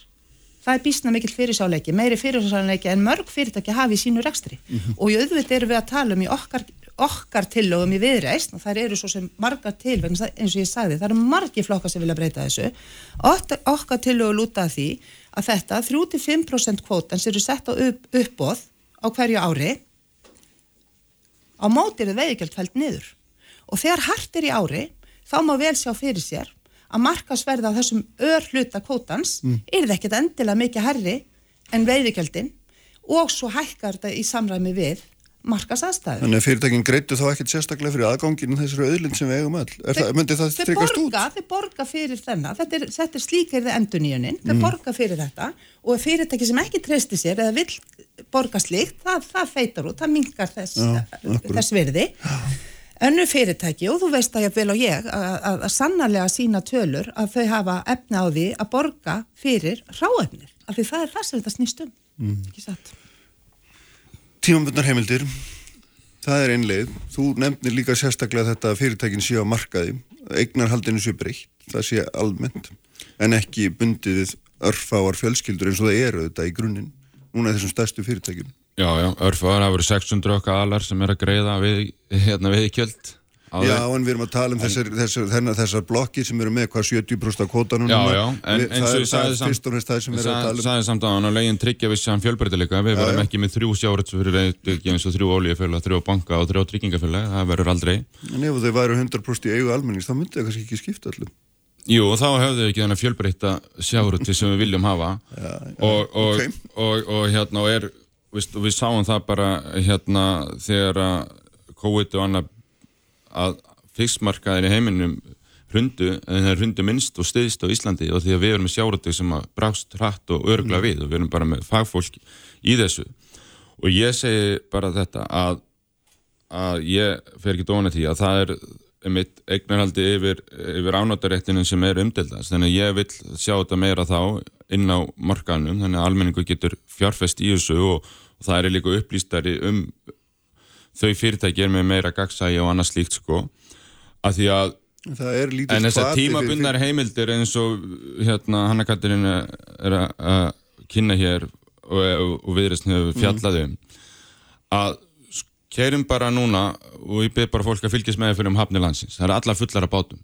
Út af því að það búið að vera kótaskerðing og þeir bara líka hérna höfn. Þannig að við erum að fara að, að bjóða upp hluta heimildunum, þá er það stæstu fyrirtækin, uppsjáða fyrirtækin einu sem hafa efnaði að kaupa það munu yfirbjóða hinna meðan það er að sapna að sér heimildunum. Þannig að við hröðum samþjöpuninni og það er bara fjölgar þessum bátum sem að í höfn. Að því að nú er minni kvóti og þá er bara bátanir bundnir júni, júli og býð eftir nýja kvótori í höfn. Og, og þetta er bara ekki þetta er ekki að þjóna hagsmunum almennings í því að hafa auðlindun okkar í vinnu fyrir þjóðina og ég vil bara benda því að við það að einhver hlutafélagi vísir fyrir yfir inn í hlutabræðamarkaðin og skiptir það eignaldi um hendur en lítið annað breytist allan þess að byrja með að þá fær ríkisjóður um það byrja 5 miljardar í skattíkjur af bara þeirri breytingu einni af auðlindinni að afnóttaréttinu sé að færast um hendur Já. Já, já, ég, sko, ég veit að hér hafa verið saða fréttir af því að, að sjáarátusfyrirtæki eru bísna hugvitsum, ekki endilega starfsemi hér á landi en, en ellendi sé að koma sér undan skattgreislum. Ég ætla ekkit að þakka sérstaklega fyrir það að sjáarátusfyrirtæki líkt og önnu fyrirtæki landsins borgi eðlunarskatt. Þetta snýst ekki um það og þetta er einfallega önnu smjörklípa. Það er alveg rétt að í umfangsmiklum rekstri sem veldir 20 miljardar er borgaða skattur.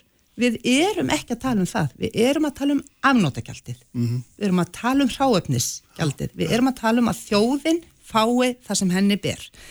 Um, og þetta með samþjöpunina, ég gerir ráð fyrir því að hún geti orðið tölverð við þessa breytinga sem við höfum lagt til. Þess vegna höfum við lagt til að arðurinn sem fengist, þegar þjóðin loks fengi sangjarnan sangjarnan pening fyrir öllindina sína, þá færi það meðal annars í að mæta þessu, mæta þessari stöðu með sérstökum greiðslum og uppbygging og annari starfsemi. En ég verð að segja, á sama tíma, og við erum hér að sjá fram að það, að stærsta sjáurútusfyrirtæki okkar er orðin fjórðungseigandi á kvóta, þvert á lög, í skjóli stjórnvalda, þá finnst mér nú býstna slagt ef að helstu rökin fyrir því að breyta þessu til betri vegar séu samþjöppun á markaði. Þetta, þarna fer náttúrulega bara ekki sama hljóð og, og tal, sko. Mm. Það er bara nefndir þannig. ekki þvert á lög þetta er innan rammalagana já. Tengdir Og aðalir eru þó- skilgreindi með þessum Já, og, já, já og þó, já, einmitt Er það það, það er hérna, samgjöldsendild er eitthvað að skoða þetta en það er alveg rétt og síðan er hitt að því að, að, því að Vilhelm talar hér fyrir að hann vilja sjá breytingar og dreifðar eignar og annað slíkt af hverju er þá ekki hlustað þegar stjórnarnarstöðflokkur á borði viðreist leggur fram ítrekka tillögur í nákvæmlega þá átt um dreifðaregnaraðild, um skráningu á markað og svo framvegis og svo framvegis. Þetta er bara hleyið út á borðinu. Af hverju er ekki verið í að vinna í að breyta þetta? Breyta þessu. Og, og þeirri spurningu hefur aldrei verið svarað almenlega. Nei, Það er eins og svarið þóleiki dagsljósið og það verður að segjast þessu er. Þessu er ekki svarað. Við fáum á okkur hálskepla ásakarnum að við séum öfundsjúk, að við skiljum ekki rekstur um, og svo frammeins og svo frammeins. Þetta eru mótrykkin, þau koma aldrei fram eða þá skýslu sem að beður um og, og er ekki byrtar. Hefur ég, fór, til að svara ég, þessu. ég, ég var að svara þessu rétt áðan ég segi bara að það sé eðlilega að þetta fari í gegnum þá inn á markaðinu við breytum eignarhaldinu þannig þannig hafa almenningur í, í, í gangi. Að því ég held að, að samþjöppunin með aðeins, þeirra hún með verði meira það er auðvilt að sitja hér og segja að markaður, markaðurinn er takit yfir en til þess að það verði þá verður náttúrulega verið einhver kvati hjá eigandum fyrirtækina til þess að fara og skrá fyrirtækin sína á markað.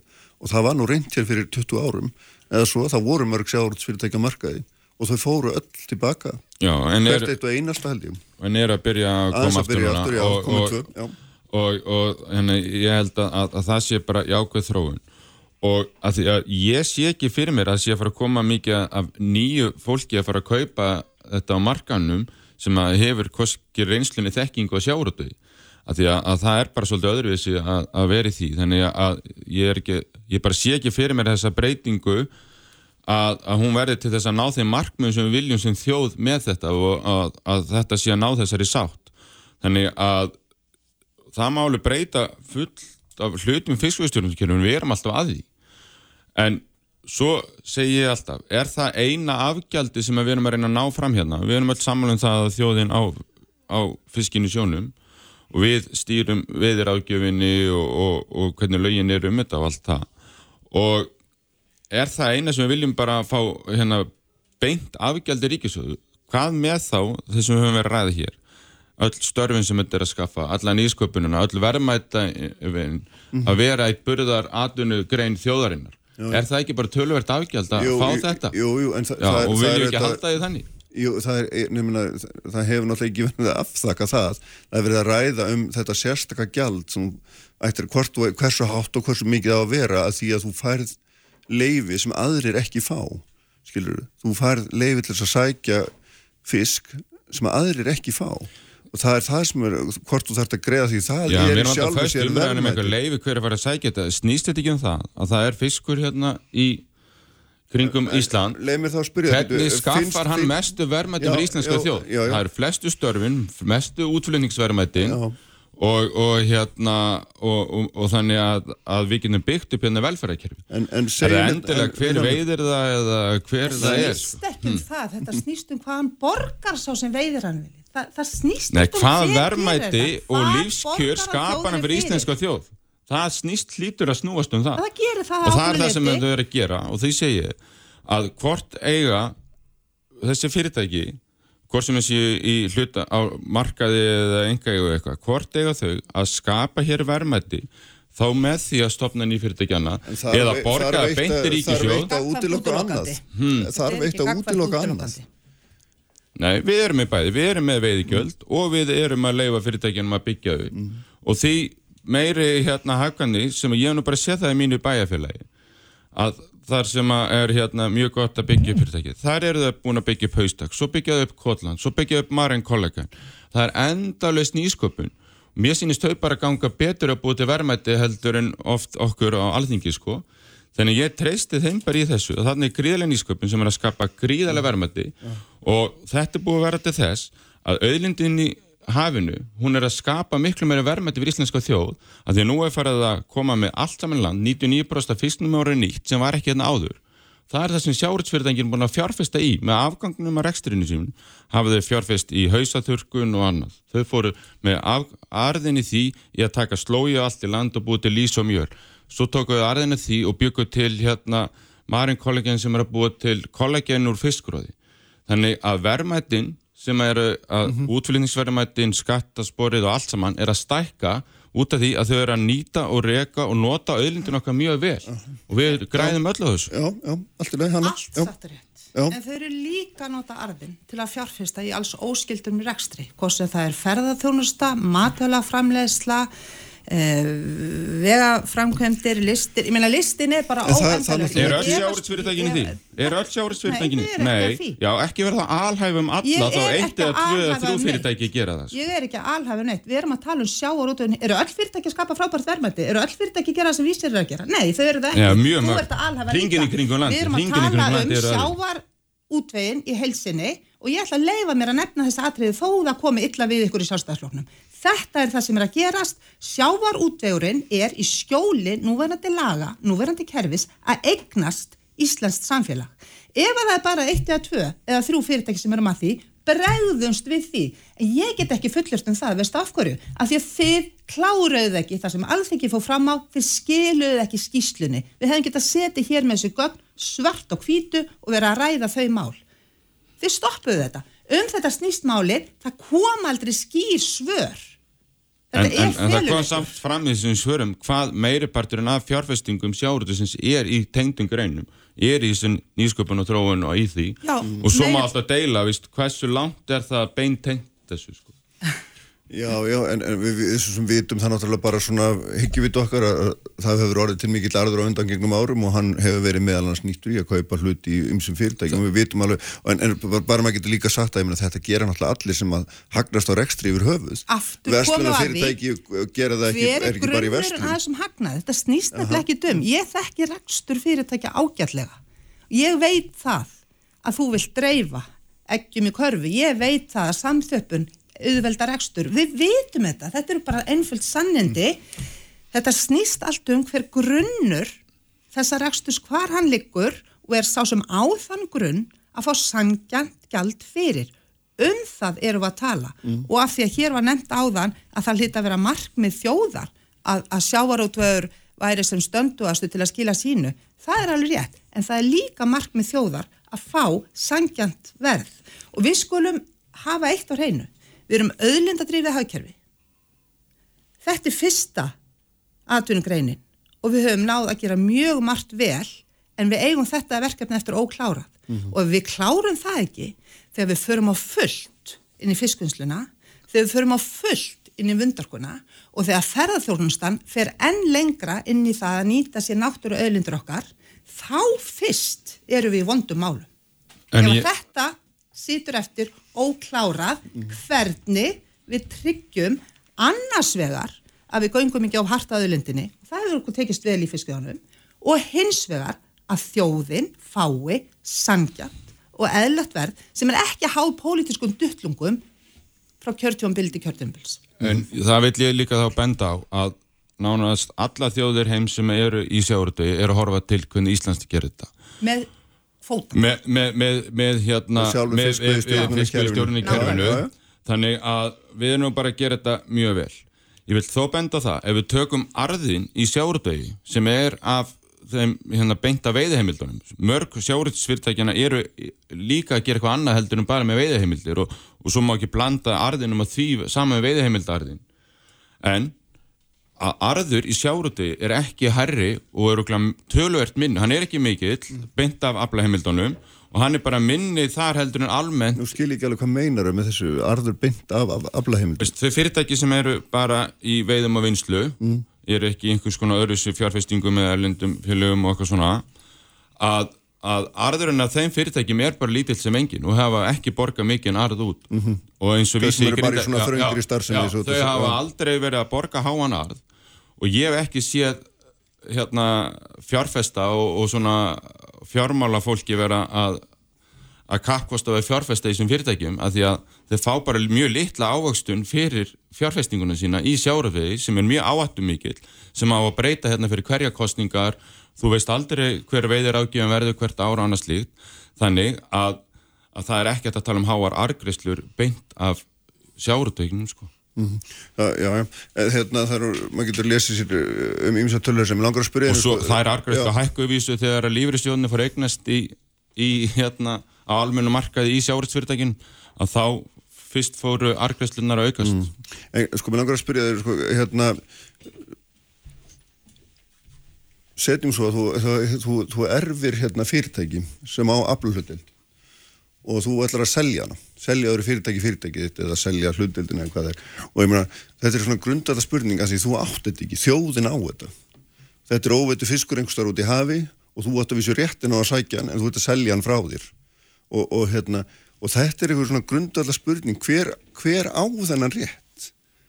Er það, er það erfingjarnir sem erfðu fyrirtækið eða er það, er það þjóðin, þessi stóru, stóru þáttni, hver á rétt? Já, sko, og hver á að fá gjaldið fyrir leiði til þess að sækja það, maður það ganga bara að kaupum og sölum á milli manna eða, eða, eða er það þjóðin sem þarf að fá það? Hvernig, ég meina, hvernig horfur þú á þetta? það eru tvær fjölskyldur sem stopna síkvært fyrirtæki. Önnur stopnar fastegnafélag Mm. og hinn stopnar sjáuritsfyrirtæki. Þau veðsetja sig og, og, og eiga lítinn penning sem byrja með og vinna gegnum þess að fá alla þekkingun og reynslun og byggja upp þessu bæði fyrirtæki. Mjög stóra burðu fyrirtæki. Og svo erfa erfingjarnir hérna eftir fóreldra sína bæði þessi fyrirtæki. Svo er aflaheimildunar seldar og þú borgar fullan skatt af því. En svo selur þú fastegnina fyrirtæki. Borgar ekki fullan skatt af því að þú veist að, að, að afskrifa fastegnina. Þú farið ekki að afskrifa kvótegnina. Þannig að sá sem erfir aflægimildir borga miklu meira til samfélagsins heldur en sá sem erfir fastegnafjöla. Þannig að þetta er bara mjög skýrt dæmi og, og þannig að ég sé ekkert að því að það er fjölskyldur sem er búin að leggja allt sitt líf og lífi veri að byggja upp fyrirtæki að, að þau fá að njóta þess. Aha, já, spyrja þið þessu sama Ég meina, hugtæki þjóðaregn þýðir bara greinlega ekki neitt. Jú, við ráðum útgötuninni, við ráðum lögjöfni og þetta stendur skýrt. Þið ráðu lögjöfni fastegna viðskiptu líka, sko. Nei, sko, er- nei, en jú, við ráðum nei, ekki, Ég ætla að fá en sko, við ráðum því ekki hvort þú leigir Þetta alla er 100 fermetrana þína eða bara 80 fermetra hverju ári. En það gerum við í sjárótum. smjörklípa vegna þess að það er aldrei hægt að ræða þetta mál til fullistu. Við erum með tímabundnar heimildir þegar kemur að öðru náttúruöðrundum.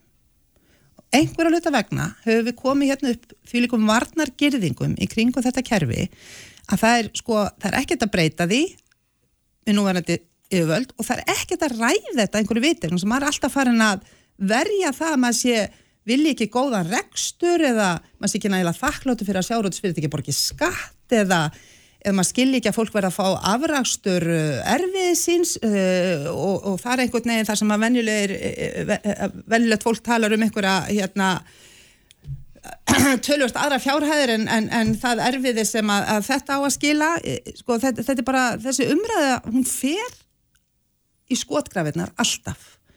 Og af því að fórsættisráðura talaði um að hún saknaði þess að sjárótusfyrirtæki síndu samfélagslega ábyrð eða, eða ég ætla nú kannski ekki að segja að hún hafi saknaði þess að hún kallaði eftir, já. Í tengslu við þessi viðskipti, nýjustu viðskipti þá verð ég bara að segja að ég kalli eftir því að stjórnmálaflokkar landsins saminist um að sína þá samfélagslega ábyrð að ræða þessi mál og koma á breytingum finna breytingu sem að uppfyllir kröfu þjóðarinnar um sangin í þessum málum á þess að kollvarpa rekstri útgerðarfyrirtækja eins og Viljálmi lýsi hér yfir áhugjum af ef að þau þurfa að borga öðlegt verð fyrir öðlindina. Við hljótum að finna lausna á þessu. Við bara hljótum að gera það við ætlum það. Svo spurningin alltaf, þeirri spurningur ósvarað. Ég held að þetta sé viðfársefni okkar á komandi vetri, þingvetri þetta gengur ekki svo lengur. Við höfum fullt af mjög mikilvægum og aðkallandi verkefnum sem þurfum að takast á við. Þetta tekur of mikið tíma frá okkur. Þetta er óþólandi fyrir þjóðina og þetta hlýtur að vera óþólandi fyrir eigundur flestra útgerðarfyrirtækja. Við þurfum að leysa þetta mál og ég neita að trúa því að við getum það ekki. Segðu, segðu okkur af því að þetta var ákveld spurninga hvernig skilgreinir þú þjóðaregn? Hva, hvað er þjóðaregn í þínum huga? Þetta er bara svona grundalda spurninga af því að allt er þess að varpa fram. Já, þjóðaregn er svo hérna, eitt sem að, að hérna, þjóðin á og hefur stjórn á. Og við höfum fulla stjórn á þessu.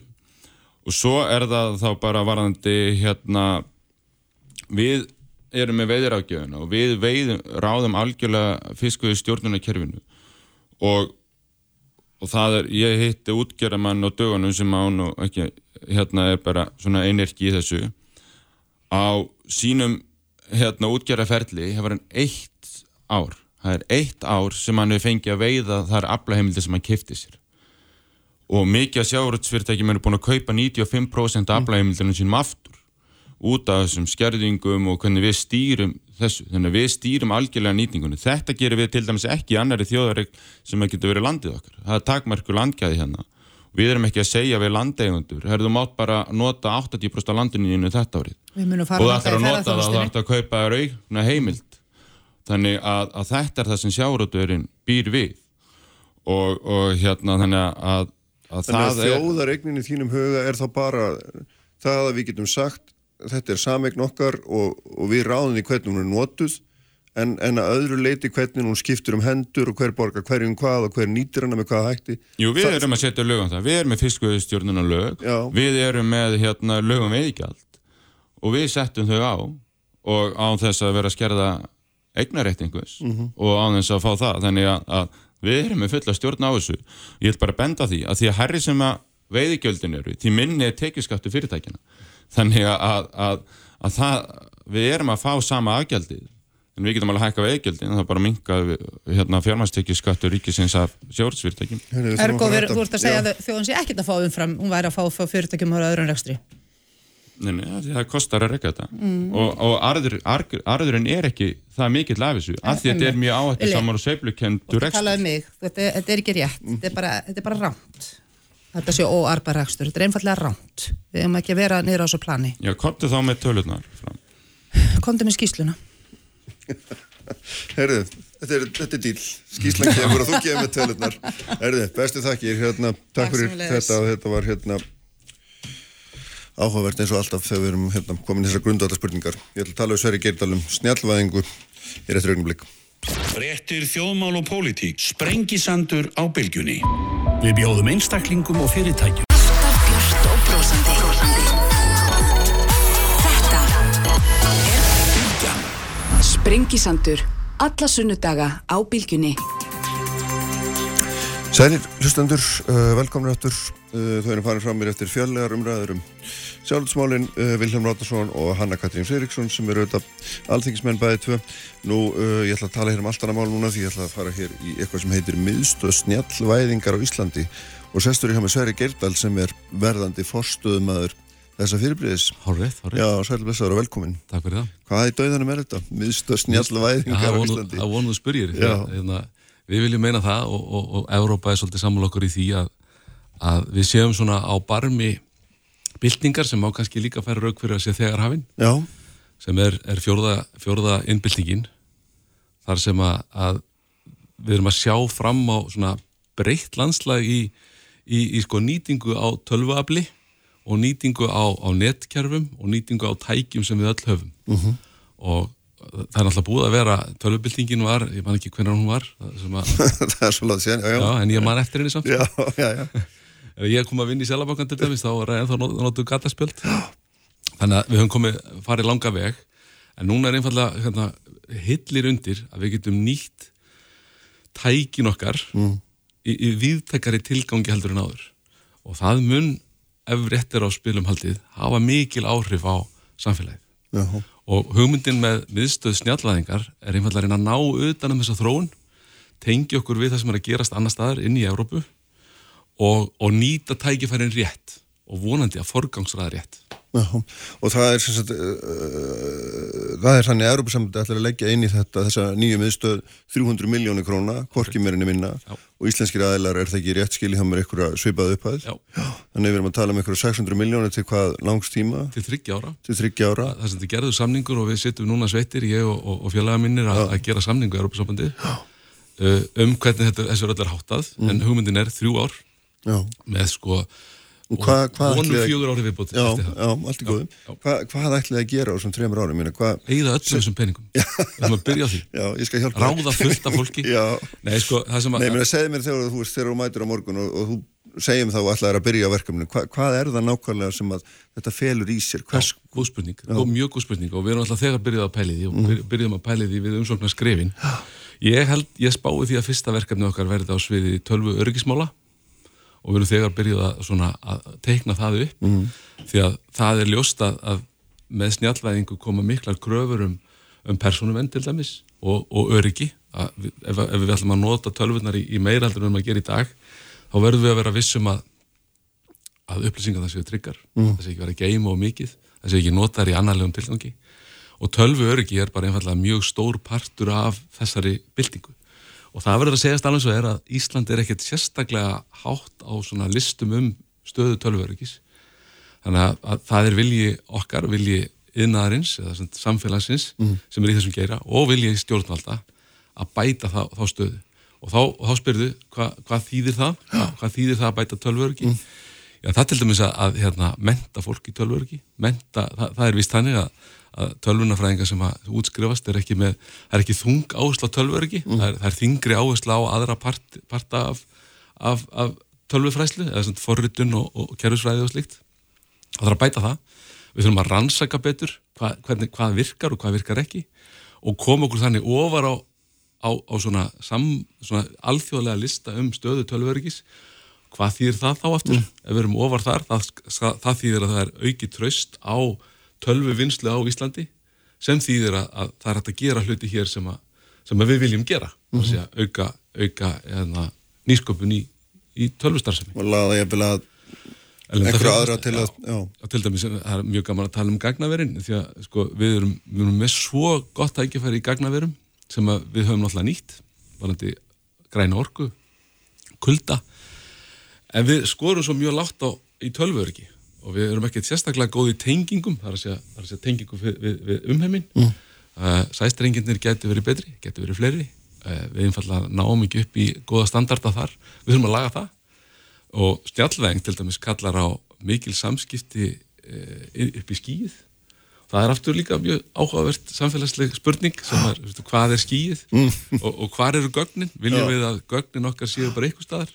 Eigum við að skilgrina það að söm gögn eigi að vera á innan landamæra Íslands eða innan landamæra Evrópu og hvernig gerum við það þá?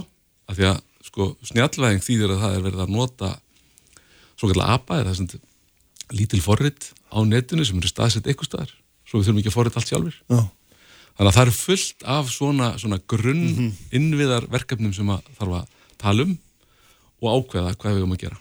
En þegar þú talar um snjallvæðingu, allir þekkja hútt ekki snjall sími og, og það er nú sennilega það, svona, það sem flesti tengja við snjall, Já. það er símin. Já. En þetta er náttúrulega eitthvað allt annað og miklu meira. Nefndi mér eitthvað svona, veist, Já, sko, eitthvað verkefni í snjallvæðingu sem að líku, stendur fyrir dyrum Já, sjálfkjörandi bílar er kannski þekktast að dæmið fjarlækningar, þar sem þú ert búin að snjallvæða þá það að þú þurfur ekki að vera á staðnum þá er það miklu betri uh, nettengingar, þar að segja myndgæðin eru miklu betri, með 5G þá er einfallega bara, sko, ég held að það sé 20 földunar gagnamagnir sem getur farið. Þannig að það er hægt að tala saman í gegnum myndbúnað eins og þú værir á staðnum, því sem næst mm -hmm sem þýðir að allir með fjarlækningar það, það, það lítur að opnast bara, sko, bara fullt af tækifærum þar. Þar sem þá er hægt að, að hafa e, byggja upp sérfræðitekník á einum stað en, en nýtan annar staðar sömulegis má tala um framlegslu þar sem að, til dæmis, allt sem heitir remote eða fjár eitthvað Já. þar sem að þú getur ég var nú eins og í Hamarel þar sem er mikið hérna, verið að fara á staðin og laga vélar sem eru bilaðar og það er allt stopp það væri mjög gott að þurfi ekki að fljúa alltaf þangað með alla sérfræðingarna, bara það er að hafa myndavelar, það er að hafa all kerfinu opinn á sama tíma og bara gera þetta í fjár vinslu. Uh -huh. Það er svona, svo eru, svo, og, og, og með snjallvæðingu sem er kannski, svona, með til dæmis með tilkomi gerðvigrindar og ofurtölva, þá er hægt að hérna, keira saman gögn sem áður er ekki hægt að keira saman og við bara höfum ekki hugmyndaflug að keira saman gögn og skilja þau þá er þetta nýta gerfigreind í því sem opnar aftur mýgrút uh, tækifæra til dæmis mm. í, í, í veðurfræði, í, í jarðfræði, í landbúnaði talandi um landbúnaði, þetta er það hug þegar ég horfa á því að þú er svo svangur eitthvað. Nei, hérna að sko landbúnaður sem að virkar svona á okkur flest sem svona, ekkert sérstaklega tæknavætur, þú veist, ekki síðan traktorinn kom. Svo reyndar komið róbótar inn í, inn í fjósin sko snjallæðingi landbúnaði getur þýtt að það eru drónar fljúandi við túnin. Þeir meta með, með, með skinnjurum hvar best er að, hvar þarf að setja ábyrð og hvernig ábyrð þannig að túnið er ekki bara tún, heldur kannski mörg tún í raunni, kannski hver fermetur eða hver fer tíu metrar eða eitthvað uh -huh. það sem hættir þá að, setja ábyrð eftir þörfum hverju sinni og líka eftir hvort það er, er tún er í söður eða í norður eða vestur eða hvernig, mm. hvernig regningin er það og það sinnið sko þannig að þetta opnar alveg, þetta, þetta sprengir svolítið upp hugan og það er og við, það, er, það eru hættur í þessu það er klálega hættur í, til dæmis í persónuvend, í, í gagnasöfnun mm. í nýtingu gagna sem þarf að hafa í huga og það er eitt af hlutverkum mistaðsnjallæðingar að benda á þar hættur Já. og svona og, og, og, og miðla því sem er að gerast í Evrópu til okkar Íslandinga þannig að við getum gert þetta rétt En eh, sko til þess að þetta allt saman gangi upp sem er svona hérna, æfintýrluður heimur sem þú ætti að lýsa þá þarf náttúrulega að vera til eitthvað sem við kallum svona í daglegu tali innviðir Já. og eh, ef maður tekur innviði bara í samgöngum þá er það við að kerfið eitthvað svona. Ég menna hvernig, hvernig til dæmis stöndu við þar? Já, sko, mjög góð spurning. Við erum til dæmis skorum mjög hátt á innviðum í, í tölvónum sko, það er að segja í tengingum og, og, og ljósleðurum mm. þar eru við bara held ég, ég held ég geti fullist nummer eitt í heiminum. Þannig að það vantar ekkert þar. En að þú nefnir vegakerfið og, og sjálfkerrandi bíla þá er það, það, það tvent sem þarf að fyrir utan bílinn sjálfan mm. sem er komið nokkuð langt. Þá þurfa veginn að vera til dæmis með, með línum bílinn þarf að sjá línunar það þurfa að vera myndavelar og það þurfa að vera skinjarar sem er ekki til staðar í dag. Mm. og kannski verið sniðut að fara að hugsa fyrir því skiljiði? Þannig að við getum þá, hérna, ok, hvernig að, að hanna vegina þannig að þeir uppfylli þessi skiljiri og svo er hitt aðtriði til þess að geta eh, hérna stjórna bílum er að þú ætti ekki að tala við hann. Og þá komum við inn á mjög stort atrið sem er íslenskan. Já. og það er alveg eitt af líkilatriðunum í, í snjallæðingu og jafnræði í snjallæðingu það er að segja að þetta sé fyrir eða, alla, ekki bara fyrir þá sem kunna útlensku að geta að tala við tækin okkar. Og þar er, gætu við ekki lagt meira áherslu á það að, að, að halda áfram og hraða ef, ef kostur er á tölvuvæðingu íslenskunar já. sem verður er í erverkanu þar sko. Já, en, en það, það þarf að halda því áfram og tryggja að, og koma því helst inn eins og mentamálur á þar að gerði hérna, með fósittanum þegar hún fór til Kaliforníu að, að svona, kynna þetta fyrir ellendum fyrirtækjum sem eru alltaf að búa til allar hann að búnað og vona að þetta fari bara inn skiljið, þetta er, þetta er, þetta er fullt af svona, þetta eru innviðir sem þurfa að vera í lægi Og svo er líka, um, talandum innviði, að sko regluverkið okkar þarf öruglega að taka einhverjum breytingum. Það er líka tröll auki verkefni því að við erum með fullt af gagna sílóum, hagstofan er með fullt af gögnum, seglabankinu með fullt af gögnum, veðstofan með fullt af gögnum sem eru tildurlega svona, hvað ég var að segja, ópersonugreinaleg, þetta er svona samfélagslega makrogögn. Mm. Svo erum við með gögn sem er landsbíðalina með, skólakerfið sem eru persónugreinlega og miklu viðkvamari það er, má alveg leiða því líkum að það séu, það séu verðmætt í því að tengja þetta svolítið saman. Beita gerfegrind ofan á þetta og, og, og, og bara grafa upp nýja þekkingu, grafa upp samhengi sem okkur er óljóst í dag. En það kallar á á pólisýr, mm. kallar á regluverk. Og þá segjum við í mista snjallæðingar að það er kannski óþarf að reyna að hugsa þetta allt fyrirfram og reyna að breyta lögum til örgis eða breyta lögum fyrirfram. Prófum þetta bara þannig að það er eina þjónustunum sem við munum veita. Er prófaðu áður en þú kaupir eða prófið áður en þið kaupið. Ég er að reyna að þýða þessi fórin vest mjög tökulegulegt en já, já. Þá, þá er hugmyndin svo að, að, að, að inn í miðstu snjallæðingar getur þú komið verkefni hvað sem er lítið eða stórt fyrirtæki eða ríkistofnun og prófað með aðgang að sérfræðiþekkingu í gerfegreind aðgang að ofurtölvum inn í Háskóla Íslands og aðtúað hvort það sé eitthvað viti í þessu.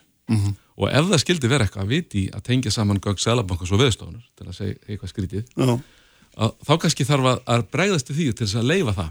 Og þá er kannski eitthvað að setja eitthvað reglur um það. Mm -hmm. þetta er einn ein af svona grunnþjónustónum í, í svona og bakbeinið í miðstasnjallæðingar er, er test before invest. Já.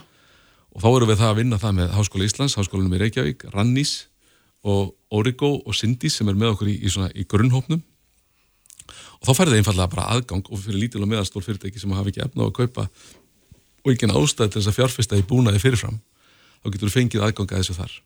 Og þarna sjáum við líka fyrir okkur tækifæri til þess að tengja saman lítil og meðalstól fyrirtæki við ríkistofnarir og við myndum, og Reykjavíkuborg til dæmis. Er, það væri, það væri mjög gaman að fá Reykjavíkuborg andan með inn, við vorum í umræð, viðræðin við þá og við vonum að þeir Það eru náttúrulega leggjast í, í stórt verkefni.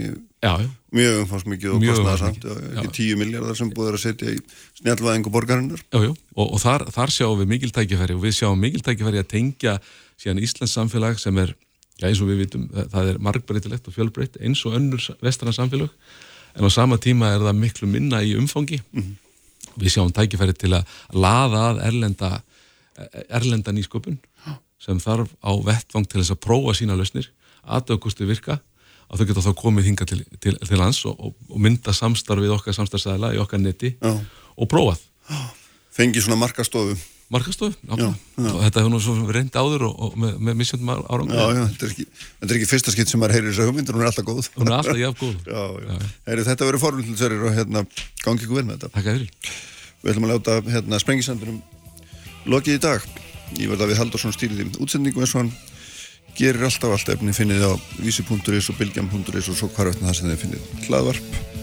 Svo verðum við með ykkur hér aftur eftir vikum. Verðið sæl.